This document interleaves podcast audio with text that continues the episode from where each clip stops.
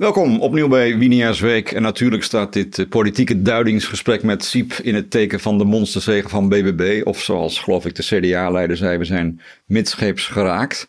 Um, Siep, als jij dit zou moeten analyseren, hè, is het dan meer dan stad-platteland wat je overal hoort?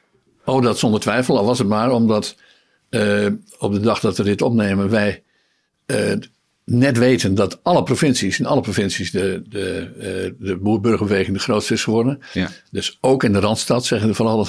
En dus ook in de, uh, de provincies waar de grote steden in liggen.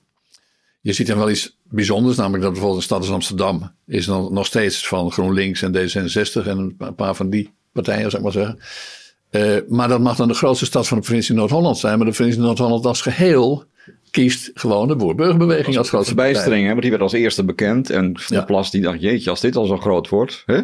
Dus moet het dan met Overijssel? Nou ja, en uiteindelijk is uh, uh, in Utrecht, was de laatste provincie die omging in de, in de, bij de tellingen.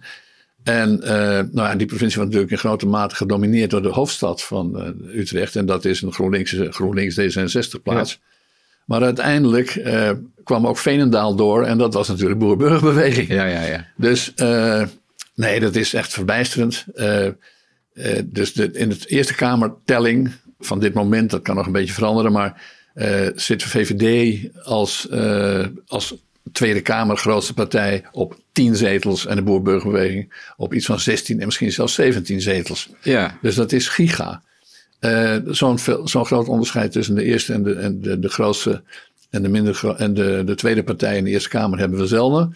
En zeker als het gaat om een partij die het debuut maakt, notabene, in de Eerste Kamer. En dan reken ik allemaal nu even naar de Eerste Kamer, omdat we het dan landelijk wat beter kunnen overzien. Ja, ja, ja. Maar uh, de, Rutte zei een beetje, nou, er hoeft niet zoveel te gebeuren. Die wekte de indruk, we gaan gewoon door. We kijken wel waar we meerderheden zijn. Hoekstra zegt nu, is nu vrijdag, eh, vlak voor de ministerraad. Er moet iets veranderen aan het beleid. Ja, ja D66 wil dat natuurlijk niet qua stikstof. Is, nee. is deze puzzel. Of nee, laten we eerst je analyse afmaken. Dat is handiger. Ja. Okay. Nou ja, er zijn allerlei aanvliegroutes voor die analyse. Maar in ieder geval, uh, wat je niet op zijn minst kunt zeggen is dat, uh, dat blijkt ook uit onderzoek dat meteen of tegelijkertijd met verkiezingen is gehouden, dat mensen in belangrijke mate in massaal opgekomen zijn voorop. Uh, dus ik geloof in de 40, 30, 40 jaar niet zoveel als, als deze keer. en de belangrijkste target, doelstelling voor deze stemmers was vooral te laten weten wat ze van het kabinet vinden, van ja. deze coalitie. En dan is er weliswaar een klein hoopje mensen, iets van 14% die dat. Nou ja, dus 60% komt om die reden is gaan stemmen, zeggen ze zelf althans. Uh, en de 14 procentpunt daarvan, dus een, nogal substantieel, maar een klein groepje, die doet dat om het kabinet te ondersteunen. Of die vindt het wel een aardige coalitie of zo. Uh, maar bijna 50 procent is uh, gekomen om nee te zeggen tegen Rutte 4. Ja. En dat is natuurlijk, als je de helft van de bevolking, de helft van de opgekomen kiezers, het kabinet weg wil stemmen en in belangrijke mate, en dus om die reden ook stemt op de boer-burgerbeweging. Ja, dan is dat wel een statement, lijkt me. Nou ja, er werd gevraagd van, heeft u nog vertrouwende ministers? Hè? Dat, dat, hebben ze dus niet. Nee. Um, Nummer één, dat was het meest gemelde punt. Ja. ja. ja. Kan, kan, een beetje in de vraagstelling liggen. Ja, het was een beetje suggestief misschien, maar goed. Nou ja, maar goed. Ik bedoel, uh, uh, niettemin, het, het, het beeld is natuurlijk ook al heel indringend. Dat als, je, als er vijf punten zijn waarvoor mensen zijn komen stemmen... En punt 1 is uh, de, de onbekwame ministers. Ja, dit kabinet, we hebben een heel lang, misschien wel nooit, weet ik eigenlijk niet eens. Maar in ieder geval uh, heel lang niet zo'n groot kabinet gehad. Hè. Dus aanvankelijk, toen, toen Rutte minister-president werd, uh, 13 jaar geleden. Uh, toen wilde hij een klein kabinet, want dat stond dan model voor een kleine overheid. Die nou, wil met minder ministers. Ja. Precies. Ja. Uh, dat is alleen maar groter geworden, uiteindelijk, die overheid. En uiteindelijk hebben ze nu helemaal de, de, de, de touwen losgelaten. Er zitten iets van 30 uh, ministers en staatssecretarissen in die. Uh, en, dan, en wat zegt de kiezer dan? Hij ergert zich vooral aan de onbekwaamheid van de ministers. Dus dat is een pijnlijk signaal. Nou ja, dus dat hele verhaal van politici dat het geen landelijke verkiezingen waren, dat is onzin. Maar dat hebben ze zelf ook laten blijken. Ja, maar permanent overal. Ja, dat is natuurlijk alleen maar mooi, mooi weer. Maar goed, des, maar, maar goed maar des te pijnlijker natuurlijk. Ik bedoel, uh, vier jaar geleden was Rutte bijna niet te zien. Toen dacht hij dat hij, uh, nou ja... Had hij een tweestrijd met Baudet, hè? En nou, dat, was, ja, dat bleek het te zijn. Maar daarna heeft hij dus een, een, een tweestrijd met Baudet over de Europese verkiezingen gedaan. Ja. maar dus, uh, goed, Baudet die zien we nu niet terug, althans zeer bescheiden natuurlijk. Uh, dat moeten we even gaan noemen, maar uh, politiek gezien is dat niet de meest relevante nee. waarneming. Want Baudet en zijn partij, beweging, die was natuurlijk al, had zichzelf al naar de zijkant gemanoeuvreerd ja. Uh, dus het, het, het, het, aantrekkelijke van deze verkiezingen, als je zo moet noemen, is dat het wel ergens over gaat. Dus kiezers zijn ontevreden over wat het kabinet doet met de Tweede Kamerverkiezingen. Daar komt dat natuurlijk ja. weg op neer. Dus we twee jaar geleden hebben we Tweede Kamerverkiezingen gehad. Dat zijn natuurlijk de belangrijkste verkiezingen. Uh, gemeenteraadsverkiezingen en provinciale verkiezingen, die worden door mensen en onbegrijpelijke wijze ja. als minder belangrijk gezien. Maar minder belangrijke verkiezingen kun je heel goed gebruiken om het ongenoegen over wat er met de vorige met het Kamerverkiezingen is gebeurd. En dat is precies wat Mag ik even door op wat je over het kabinet zei? Uh, uit jouw analyse, die, die ook op Winia's Week uiteraard wordt gepubliceerd, uh, begrijp ik dat, kijk, in een dictatuur is de leiding vaak radicaler dan het volk. Mm -hmm. In een democratie zelden. Hè? Want die regering probeert de stem van het volk, die redelijk gematigd is, mm -hmm. toch over te brengen. Jij hebt eigenlijk vastgesteld dat dat nu anders is. Hè? Al langere tijd is dat zo. Ja. En dat is zeker in, tijdens de, bij de, de, de, de ogenschijnlijk nogal ideologische Rutte-kabinet in het geval. Uh, dus uh, er is al eerder, misschien moet ik daar even naar teruggaan. Maar wacht, even, ja. wat ik bedoel, ik, mijn vraag was misschien niet helder. De politiek is radicaler dan de mensen thuis. Ja, toch? Dat, ja, dat zeg je, oké. Okay, dat zeg ik, ja. ja, ja. Dat is duidelijk. Uh, ik heb dat ook niet helemaal zelf uitgevonden, dat helpt wel eens. Mm -hmm.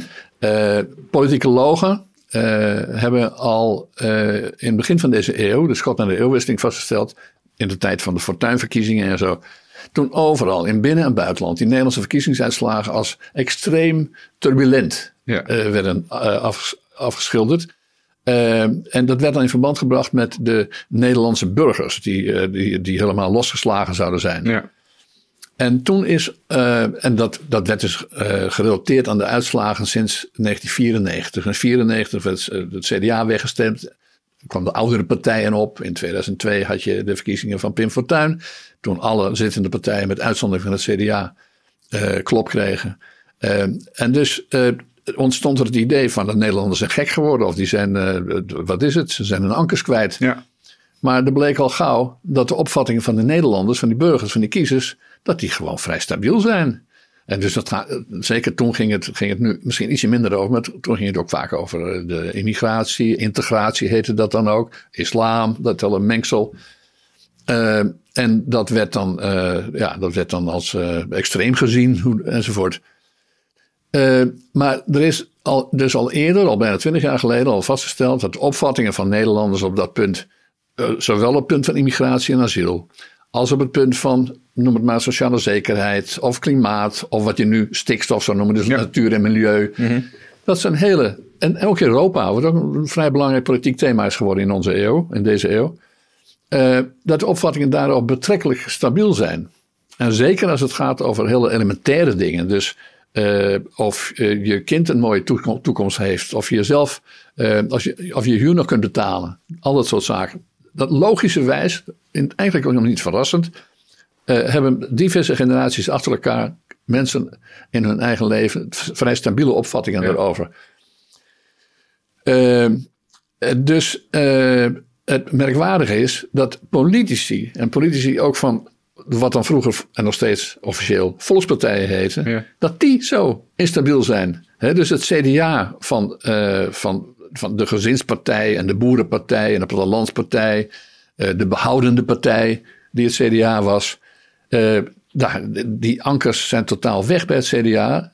Je weet, ze weten zelf niet eens waar ze voor zijn. Hoe kunnen ze in godsnaam dan nog een, om eens een treffend woord te gebruiken, hoe kunnen ze dan een boodschap ja. hebben? Kunnen, kunnen ze een wervende uh, boodschap hebben? Ja. Maar dat probleem heeft niet alleen het CDA, die heeft het extreem. Maar eerder had het PvdA het ook al. Heeft zijn eigen klandizie weggejaagd. Ja, uh, vind dan maar eens een nieuwe. Uh, en de VVD heeft natuurlijk ook een groot probleem. De VVD is nog steeds de grootste partij in de Tweede Kamer. Maar je ziet dat uh, het Rutte-kabinet steeds bij ieder kabinet uh, ja, weer een andere. Rutte regeert met de boodschap van zijn coalitiepartner, kun je zeggen. Wie dat ook is, ja. Wie dat ook is. Dus ja. als hij regeert met, uh, met de PvdA. Dan nivelleert de VVD mee met de PvdA. En, als, en voeren ze trouwens het klimaatbeleid van Diederik Samson. En als ze regeren met, met D66, dan voeren ze het eurofiele beleid van D66. En dan willen ze woke zijn. En dan willen ze misschien niet, maar dat doet hij dan. Ja, dus de VVD neemt de kleur aan van zijn coalitiepartner. Maar wat blijft er van de VVD nog over? Dus, uh, en dat zijn allemaal. Dat zijn, en die agenda's, die, die, die, die hypes kun je wel zeggen. Dus dat iedere regeerakkoord dat weer willen we weer klimaatkampioen en dan willen we weer stikstofkampioen worden. Ja, daar hebben we nooit een politiek debat over gevoerd. Er is nooit een bevolkingsuitspraak over geweest. We moeten nodig wat aan de stikstof doen. Het referendum is afgeschaft door het vorige kabinet. Ja, nou ja, dat is des te treurig natuurlijk. Ja. Uh, zoals ik ook schrijf. In feite moet je dit als een referendum zien. Het referendum dat niet meer mocht van deze coalitie. Uh, de, de kiezers hebben zelf een geitenpaadje gevonden, namelijk door de provinciale statenverkiezingen te gebruiken als uh, semi-referendum ja. om, uh, om de deksel op de neus van Rutte 4 te leggen. Maar hoe kan het dan dat, dat het kabinetsbeleid sinds, wat zit een jaar, hè, eigenlijk zo radicaal is dat de burger in opstand komt? Dat, dat is toch heel gek eigenlijk. Het zitten allemaal mensen die, ja, compromisbereid zijn, uh, ook niet dom zijn. Nou, maar zo compromisbereid. Kijk, kennelijk was de, de, bij de formatie, die dus bijna een jaar geduurd heeft, was de positie van mevrouw Kaag van D66 zo sterk dat zij de, hun eigen geradicaliseerde agenda uh, om konden leggen aan, het, uh, aan, de, aan de coalitiepartners, aan Mark Rutte, aan, de, het CDA, aan de ChristenUnie.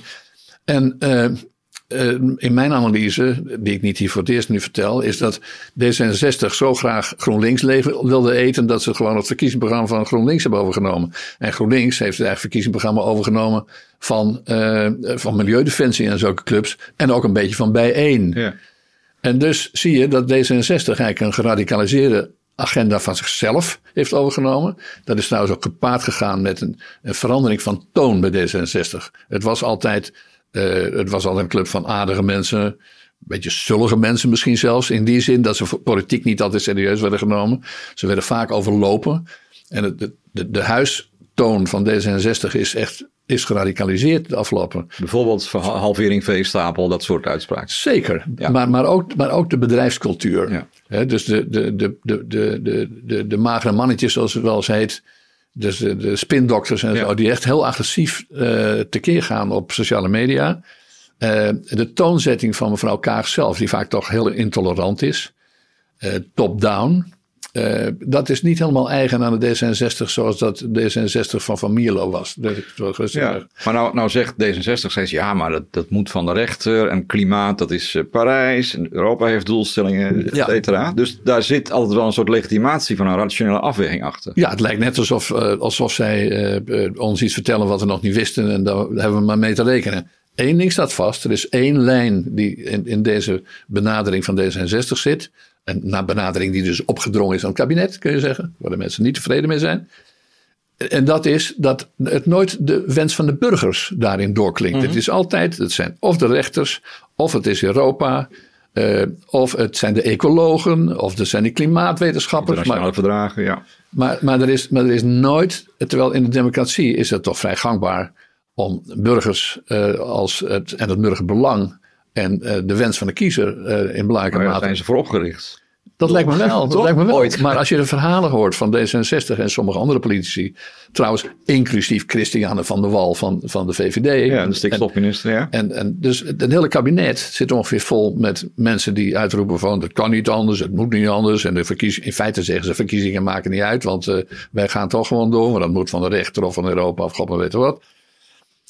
En dat is allemaal twijfelachtig. Zoals je zelf al aangeeft, men doet alsof men het monopolie op de ratio heeft. Dat is bij name bij D66 zo, maar ook bij sommige andere politici, zeker hoor het, ministers en zo, hebben de indruk, als, die wekken de indruk alsof uh, alles onomstreden is, allemaal vast ligt. Dan vraag je nog af waarom ga je dan naar verkiezingen als alles al vast ligt. Maar goed. Ja. Uh, dat is natuurlijk helemaal niet het geval. We hebben, uh, laat ik dat, dat stikstofbeleid maar als concreet voorbeeld noemen. Er wordt bijvoorbeeld gezegd dat het per se noodzakelijk is dat het verscherpt wordt. Dat, je, uh, dat de halvering van de stikstofuitstoot in 2030, in plaats van 2035, we gaan het helemaal over, maar goed, 2030. Want anders vergaat de aarde of zoiets. Ik bedoel, of het kan niet anders. Of, of dan kan Europa. Of, ja. ja. of dan kunnen we geen huizen bouwen. Dat zijn allemaal. Ja. Nou, dat is, het, zijn, het is een construct. Laat ik dat voorop stellen. De, de, natuurlijk zijn er natuurgebieden die last hebben van boeren die, eh, die veel mest hebben, zal ik maar zeggen. Maar er is aantoonbaar zo dat dat maar voor een zeer beperkt deel van de Nederlandse uh, natuurgebieden zo geldt. Dat is Arnold Jaspers, die zelf een boek heeft geschreven. Uh, en dat, een boek dat de, de, de, de stikstoffuik, dat gelukkig veel aandacht krijgt nu. Die toont dat successievelijk aan uh, dat het aan elkaar hangt van de mythes. En dus het is helemaal niet zo dat, het, dat de Nederlandse regering in opdracht van Brussel uh, een radicaal stikstofbeleid moet voeren. Nee, dat willen we zelf. Er staat nu, er staat, het woord stikstof komt, in, komt helemaal in die, in die, in die habitatrichtlijnen niet voor. We moeten de natuur goed bewaken. We moeten niet verzorgen. In Duitsland kennen ze het helemaal niet, geloof ik. Hè? Nee, maar dat komt nee. weer een specifiek ding. Ja. Dan, dan, letten ze ook op, op, stikstof. Alleen hun regels zijn 4000 keer zo ruim. Ja. ja. Uh, en, maar als je dan vraagt in Nederland aan, aan, verantwoordelijke personen, zoals mevrouw Van der Wal, die doet dan net alsof ze in Duitsland gek zijn. Ja, want wij zijn natuurlijk het gidsland en wij, wij zijn de norm. En, dat is de, maar goed, als je met die, met, die, met die norm jezelf in de weg zit, dan moet je toch eens een keer na gaan denken of je niet een beetje, of, alsof je, nou ja, om te beginnen zou je kunnen zeggen, laten we dan doen wat de buren doen. We hebben dus in Vlaanderen ook een beetje een probleem. Maar die hebben dat inmiddels alweer opgelost. Dus uh, uh, het, het, het, fanatisme, de orthodoxie, de, de radicaliteit, als je wilt, uh, die, die is door onszelf gekozen. Die is door sommige politici hier gekozen en die zijn erin geslaagd om dat op te leggen aan de rest. En we doen net alsof het moet van Brussel en, en anderen. Maar toch gek dat bijvoorbeeld het CDA, die gewoon met open ogen bij die onderhandelingen zat, ja. heel goed de boerenstand kent, dit niet heeft doorgehad. Want ze dachten, Weet je, er komt 25 miljard bij om alles uit te kopen. Klaar. Dan zullen de boeren wel, ook, ja. zullen wel prima vinden. Maar die ja. hebben dat toch helemaal niet aangevoeld. Nee, maar dat zegt natuurlijk veel van het CDA. Ja. Uh, dus een, een, partij die. Uh, kijk, uh, ik wil gerust toegeven dat er een tijd is geweest dat ik me doodergerde aan het CDA. omdat ze blind gingen voor de belangen van de boeren. Mm -hmm. Eenzijdig. Ja. Ja? Dat is ook tientallen jaren lang gebeurd. ik kon je afvragen of dat wel zo wenselijk was. Maar hoe is het in vredesnaam mogelijk dat een partij die daar dus in geworteld was, die is totaal verstadst. En vooral van Rotterdamst, moet ik gaan zeggen. Want het werd een beetje, uh, dus een, jaar of tien, vanaf een jaar of tien geleden werd het een beetje een Rotterdamse partij. Uh, en vandaar hadden ze nog één of twee mensen in de gemeenteraad. En dachten ze dat ze dat waren. En dus hadden een wethouder, die heette Hugo de Jonge. Ja. En uh, dus toen in die tijd uh, in die periode uh, heeft het CDA, de CDA-leiding voorkomen losgeslagen van, van hun ankers. Hebben ze bedacht dat ze een meer grootstedelijke partij moesten worden. Of een multiculturele misschien. Al die dingen waar hun kiezers helemaal geen zin in hadden. Dus wat hebben ze gedaan? Ze hebben nooit nieuwe kiezers gekregen in die grote steden. Dus ze zijn hun kiezers in hun eigen thuislanden, of zo maar te zeggen, zijn ze kwijtgeraakt. Maar wat, wat moeten ze nou doen? Want... Uh... Het Kijk, CDA bedoel je? Nee, het, het, de, de zittende coalitie. Mhm. Mm -hmm. Want uh, ik weet nog, toen ik net in Den Haag begon, dat is een eeuw geleden, toen zei Wim Kok... Dat was van in de vorige eeuw. Het was in elk geval in de vorige eeuw, ja. Toen zei Wim Kok, uh, die toen minister van Financiën was, jongens, de Berlijnse muur is gevallen, dit hele regeerakkoord is onzin. We gaan het herschrijven, dat heette geloof ik ja. de midterm review of tussenbalans. Zou dat nu ook moeten? Dat je zegt, jongens, de situatie is gewoon zo anders dan twee jaar geleden. Uh, we gaan het helemaal opnieuw doen. Nou ja, dat zou moeten. Uh, er zijn maar twee mogelijkheden. Het is of aanpassen of wegwezen. Ja. Lijkt mij. Uh, om politieke redenen en om praktische dat, redenen. Dat zei trouwens de Partij van de Arbeid ook grappig genoeg. Maar goed, om andere redenen. Ja, ja, ja. Maar, natuurlijk. Maar die denken dan dat, dat ze hun verkiezingsprogramma kunnen opleggen. Wat trouwens voor een deel gewoon gebeurt. Maar ja. dat terzijde. Uh, nee, maar uh, kijk, er lopen ook mensen rond. Rutte tot op zekere hoogte. Uh, mevrouw Kaag in belangrijke maat. En Christiane van der Wal helemaal. Die denken van, nou ja, dat zijn, er waren verkiezingen. Dag, dan gaan we weer verder. Schouder ophalen. Over vier jaar zien we weer, ja. Dachten ze, dat, ja. denken ze. Maar dat is natuurlijk niet zo. Dit is, als ze als dit een reactie is op de manier waarop ze met de vorige verkiezingen om zijn gegaan, dan zou je toch lessen moeten trekken. Dan zou je in ieder geval moeten kijken dat je naar aanleiding van deze verkiezingen je oren gaat spitsen. Maar hoe, hoe gaat het dan in de praktijk? Want... Nou, in de praktijk zijn er dus twee mogelijkheden. Of het kabinet blaast zichzelf op, of het kabinet past zich aan. En als ze zich, uh, als ze zich aanpassen, dat betekent dat er, dat er geluisterd moet worden naar mensen. Eén, in het algemeen. B, er moet geluisterd worden naar de grootste winnaar, te weten de boer-burgerbeweging. Ja. Die is daar best toe bereid. Die, is, die, is zeer, ja, die, die zijn eigenlijk heel redelijk. Ja, ja. Dus, maar dat betekent wel dat ze op een aantal speerpunten natuurlijk uh, aan hen tegemoet gekomen moet worden. Ja, dus 2030 uit de wet halen, die zitten nog niet in, maar dat is het voornemen. Geen onteigeningen, dat soort dingen. Ja, nou ja, en, dat, en let wel, uh, het wonderbaarlijk is, uh, als ze maar enigszins realistisch zijn, waar ze helaas bij, bij Thier Groot en andere D66 geen zin in hebben, want die gaan voor de orthodoxie en het fanatisme. Maar laten we even naar de werkelijkheid kijken. Uh, zelfs Thier de Groot, hè, dus de, de, grote stikstofman van D66, die D66 trouwens een halvering van zijn kiezers heeft bezorgd, laten we niet vergeten. En niet van de veestapel. en niet van de veestapel vooralsnog. Uh, die heeft zelfs moeten toegeven dat je op basis, uh, dat je niet die boeren kunt onteigenen, of zelfs, laat staan, een hele lijst van, van boeren kunt maken, kunt onteigenen op basis van dat papier- en computermodel, dat Arius-model of Arius-model. Dat kan niet. Uh, het is zelfs twijfelachtig of je op basis daarvan die boeren vergunningen kunt weigeren of kunt ontnemen. Maar onteigenen, dat, is, dat staat in de hoogste rang van de grondwettelijke rechten. Uh, Wordt ook bijna niet gedaan in Nederland. Nee, nee. Dus uh, het eigendomsrecht hoort, uh, is, natuurlijk, daar hoort de rechtsstaat pal voor te staan. Dus als je daaraan tornt, dan ga je dat niet op basis van een papieren computermodel doen. Dat is zelfs D66 nu van overtuigd. Maar als dat niet kan, krijgen dus, dan moeten ze met lazen, zoals Arnold Jasper dat zegt, met een kaplazen het veld in. Per boer, op iedere plek. Van is het wel zo dat het zo ernstig en zo schadelijk is? En dat kan per boer, per boerderij jaren duren. Ja. Dus waar hebben we het over? Dan hebben we het over dat ze in papier al dit jaar, 2023, zouden beginnen met het onteigenen. Terwijl die procedure van de eerste boer die op die manier onteigend wordt, zijn we al bijna 2030. Die, die eigenlijk, die forse aanpak is helemaal niet logisch, want die bijt zichzelf in de staart.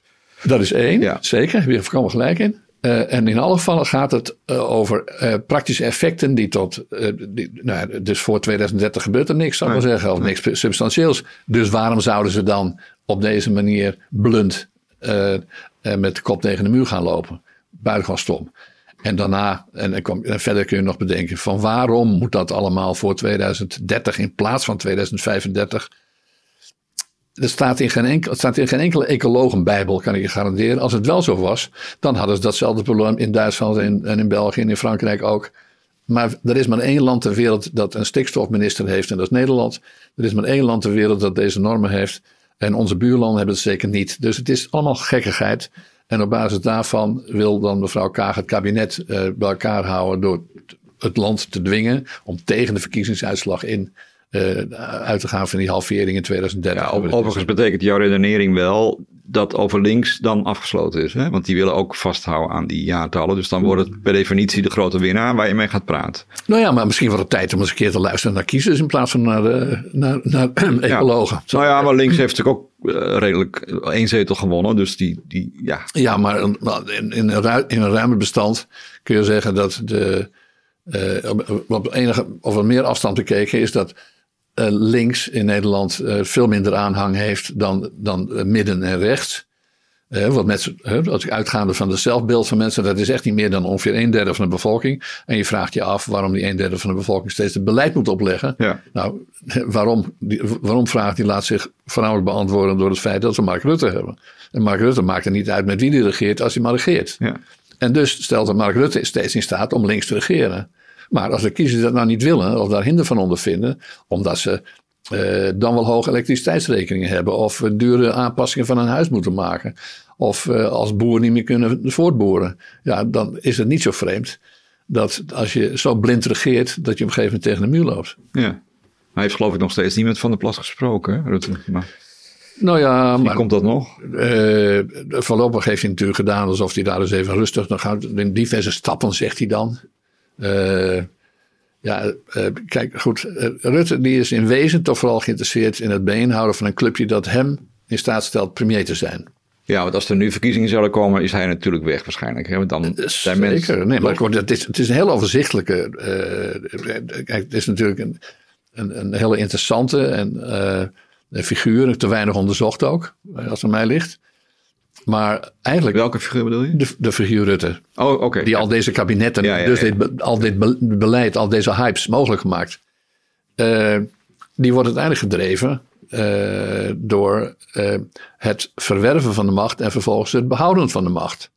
En dan doet hij verder niet heel veel met die macht, behalve op een stoel zitten. Dus hij, hij levert ook makkelijk uh, ja, uh, dingen in, omdat hij niet geïnteresseerd is in de inhoud, zeg jij? Of minder? Nee. Maar meer in, in de positie. Nee, maar dat, dat, is ook gebleken natuurlijk. Want als je kijkt naar de output, hè, dus de VVD-achterban is niet ten onrechte of niet onbegrijpelijk ontevreden over het feit dat hij voortdurend het VVD-verkiezingsprogramma weggooit zodra de, de, de stembussen dicht zijn. Een rechtspremier die linksbeleid uitvoert. Nou ja, Toch? Het, is de vraag of hij of die zo rechts is. Nou ja, maar liberaal. Het is, het, is, het is een man zonder ideeën, denk ik. Ja. Maar wel een, de perfecte machtsverlusteling. Ja, ja machtsverlusteling durf ik wel te zeggen. Maar even, want, want je hebt natuurlijk ook... Machtspoliticus in ieder geval. Ja, je hebt natuurlijk ook lang uh, in Den Haag rondgelopen. Komt daar nog wel. Uh, hoe gaat het in de praktijk? Want het gekke is natuurlijk dat hij praat straks, Rutte met iemand die één zetel heeft in het belangrijkste vertegenwoordigende lichaam, de ja. Tweede Kamer. Dus dat, hoe... Nou, maar dat, doet hij, dat moet ik hem ook, Rutte ook nageven. Hij is natuurlijk nooit te beroerd geweest om met zelfs maar de kleinste politicus, de kleinste partij, uh, zaken te doen als het rond de Eerste Kamer gaat. Want ja. de Eerste Kamer heeft hij eigenlijk nog nooit een meerderheid gehad. Hè, nee, al duidelijkheid. Dus hij zit er nu 12,5 jaar. En al binnen een half jaar, als ik me goed herinner. We spreken over het voorjaar van 1991. Toen was hij maar een half jaar minister-president. 2010. 2010 uiteraard. Ja. Uh, 2011. Uh, dus de eerste maanden van 2011 hadden we ook statenverkiezingen. Ja, toen ging die, hij nodigde zelfs, uh, geloof ik, een afgesplitst uh, Kamerlid, ben de naam ik kwijt. Uit Zeeland. Uit Zeeland. Die Vanwege de Hedwigepolder. Nee, precies, iemand met een exotische naam. Nodigde die Robinson. Uit, zo is dat. Nodigde die uit in het torentje, als ik wel heb. Ja.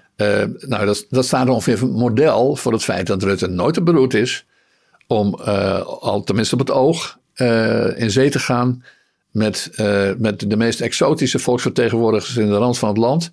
Om maar zijn machtspositie te kunnen behouden. Dus ja, in, in dat licht zou het helemaal niet verbazingwekkend zijn als hij zeer intensieve contacten aangaat. Met mevrouw van der Plas. Met mevrouw van der Plas, die de grootste partij van Nederland heeft, althans in de Staten en in de Eerste Kamer. Ja, maar als, ik, als we nou even het puzzeltje bij elkaar leggen, dan begrijp ik van jou dat D66 toch wel de sleutel in handen heeft. Want als die ja, uh, geen water bij de wijn doen en kabinet opblaast, is het ook afgelopen. Maar dan is het ook met D66 afgelopen. Okay, dus die... Want er is geen reden om aan te nemen dat de kiezer dat gaat belonen. Nee. We hebben nu gezien dat D66 zit in een paradoxale positie dat ze het hele regeerakkoord cadeau hebben gekregen. Ja. Uh, Omdat Rutte zo blij was dat hij mocht blijven zitten. Nou ja, maar, maar, dat is ook, maar dat is ook Hoekstra en, C en de ChristenUnie. Ja. Dat is toch vrij onbegrijpelijk. De hele toonzetting van het regeerakkoord. Ja, ik ben liefhebber van dat soort teksten. Dus ik, ja, ik, ik, ik, loop er nog wel eens doorheen. Het is ongelooflijk gewoon. Ja. Bedoel, uh, de, de, dat, dat Mark Rutte vaak geacteerd heeft alsof hij heel uh, als een euroscepticus naar Brussel ging. Dan staat in het regeerakkoord echt, de hele toonzetting is meer Europa. En Nederland koplopen met meer Europa. Zo, het is echt ongelooflijk. Dus D66 heeft het hele regeren door. Dat zijn eigenlijk fantastische machtspolitici geweest, hè? Wil, als je zo bekijkt. de inhoud kijkt. Alleen, zeker. Maar waar ze misschien, maar voor de korte termijn wellicht. Want we zien nu al, na twee jaar, dat de kiezer dat in ieder geval niet beloont. Sterker nog, D66 krijgt de helft minder stemmen uh, dan, uh, dan bij de Tweede Kamerverkiezingen. Ja, want je zou eigenlijk is het raar. Want je zou zeggen dat de achterban heel tevreden is dat, dat er een enorm D66-stempel in beleid ja. zit. Maar zo werkt het dus ook niet. Nee, en ik, heb het, ik let ook wel eens op andere peilingen. En dan zie je dat standpunten die fanatiek worden uitgedragen door D66, door de leiding van D66, dat die helemaal niet zo in dezelfde mate worden gedragen door, uh, door de, de achterban. Okay. En dan heb ik met name over de electorale achterban. Hoe dat precies zit bij het kader van D66 kan ik minder goed nagaan. Uh, en ik denk dat het ook wel eens komt omdat D66 een doelgroepenpartij is geworden. Ja. ja dus in de, in de Pechteltijd, uh, toen ze lagen dus uh, rond 2006, lagen ze echt op apengapen. Ja, drie zetels hadden ze toen. Ja. En op het nippertje. en, en toen zijn ze met doelgroepen begonnen. En die doelgroepen hebben ze nog steeds. Je kunt dus gewoon, als je toevallig, ik noem eens wat, voor de duivelhouderij ben, bent. We hebben wel een politicus gehad die daarvoor was. Dan kun je een doelgroep worden binnen D66. Ja, ja, ja. En dan vorm je binnen D66 een permanente lobby. Maar je kunt je dus met al die doelgroepjes. Dus je ziet het bijvoorbeeld het COC. Je ziet het met de gendertoestand. Met de Woke. Er zijn allemaal, allemaal clubjes. Die slavernijherinnering. Uh, het, erkenning en dat soort dingen. Dat nestelt zich allemaal in als een kraag. In de, in de nek van D66. En bepaalt dan gewoon het vaak radicale beleid van D66. D66 is bij uitstek die geradicaliseerde partij waar we het een beetje over hadden. En, uh, en dat kan tot grote tevredenheid leiden bij het kader, al die doelgroepen. Uh, dat ze van alles binnenhalen in, het, in de onderhandeling met Mark Rutte. Maar dat wil helemaal niet zeggen dat ze daarmee populariteit bij de bevolking uh, opbouwen. Heeft dat ook met die technocratie te maken waar we net het over hadden? Dat je dus hele lange termijn doelstellingen hebt, hè? die ja, mensen toch moeilijk te die, die, bevatten zijn. Die, die, technocratie bij D66 heeft denk ik domweg ook een andere reden. Uh, en dat is dat uh, het vaak gaat op, op, op, excuus, op terreinen waar D66'ers vaak vertegenwoordigd zijn. Dus er zijn ontzettend veel D66 rechters. En dus zeggen ze, nee, we moeten letten op de uitspraken van de rechter. Dus D66 rechters. Uh, nou ja, goed. Dat, en er zijn natuurlijk veel D66 diplomaten. En dus, uh, nou ja, dat soort dingen. Ja, dat, dat interfereert. Ja. En, en dat zijn technocraten en die vinden hun belangrijk, dingen belangrijk, maar die, noemen, die zeggen dan dat het internationale verplichting is, bijvoorbeeld. Ja. Uh, maar in ieder geval, uh, want daar vroeg je eigenlijk naar, van hoe, als zij de sleutel in handen heeft, dan moet het dan verder. Nou, mevrouw Kaag, die kan wel uh, de, de, de poot stijf houden over uh, halvering van de stikstof in 2030, en dat iedereen uitgekocht moet worden of eigen moet worden. En dat type beleid, maar dan hebben we heel snel verkiezingen. Ja. En dan staat mevrouw, uh, mevrouw Kaag niet meer te dansen op tafel. Dan heeft ze namelijk een probleem. Ik bedoel, dan uh, worden ze weer gehalveerd of zo. Er is geen enkele reden om aan te nemen dat D66 gaat winnen bij verkiezingen. Meestal na verkiezingen als zij in een kabinet schiet, dat zij per tot regeren is halveren. Hè?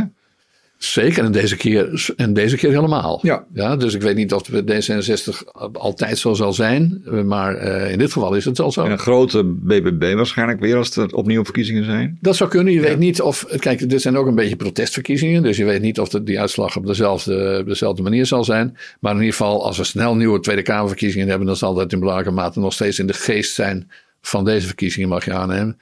Uh, dus uh, Christiane van der Wal kan, van de VVD, stikstofminister, kan wel doen alsof ze, alsof ze de, als een robot praten erover. Hè? Met die grote opengesperde ogen. Zegt ze dan van, er, is geen andere, er is geen ander stikstofbeleid dan dit stikstofbeleid. Het moet en het zal en het kan.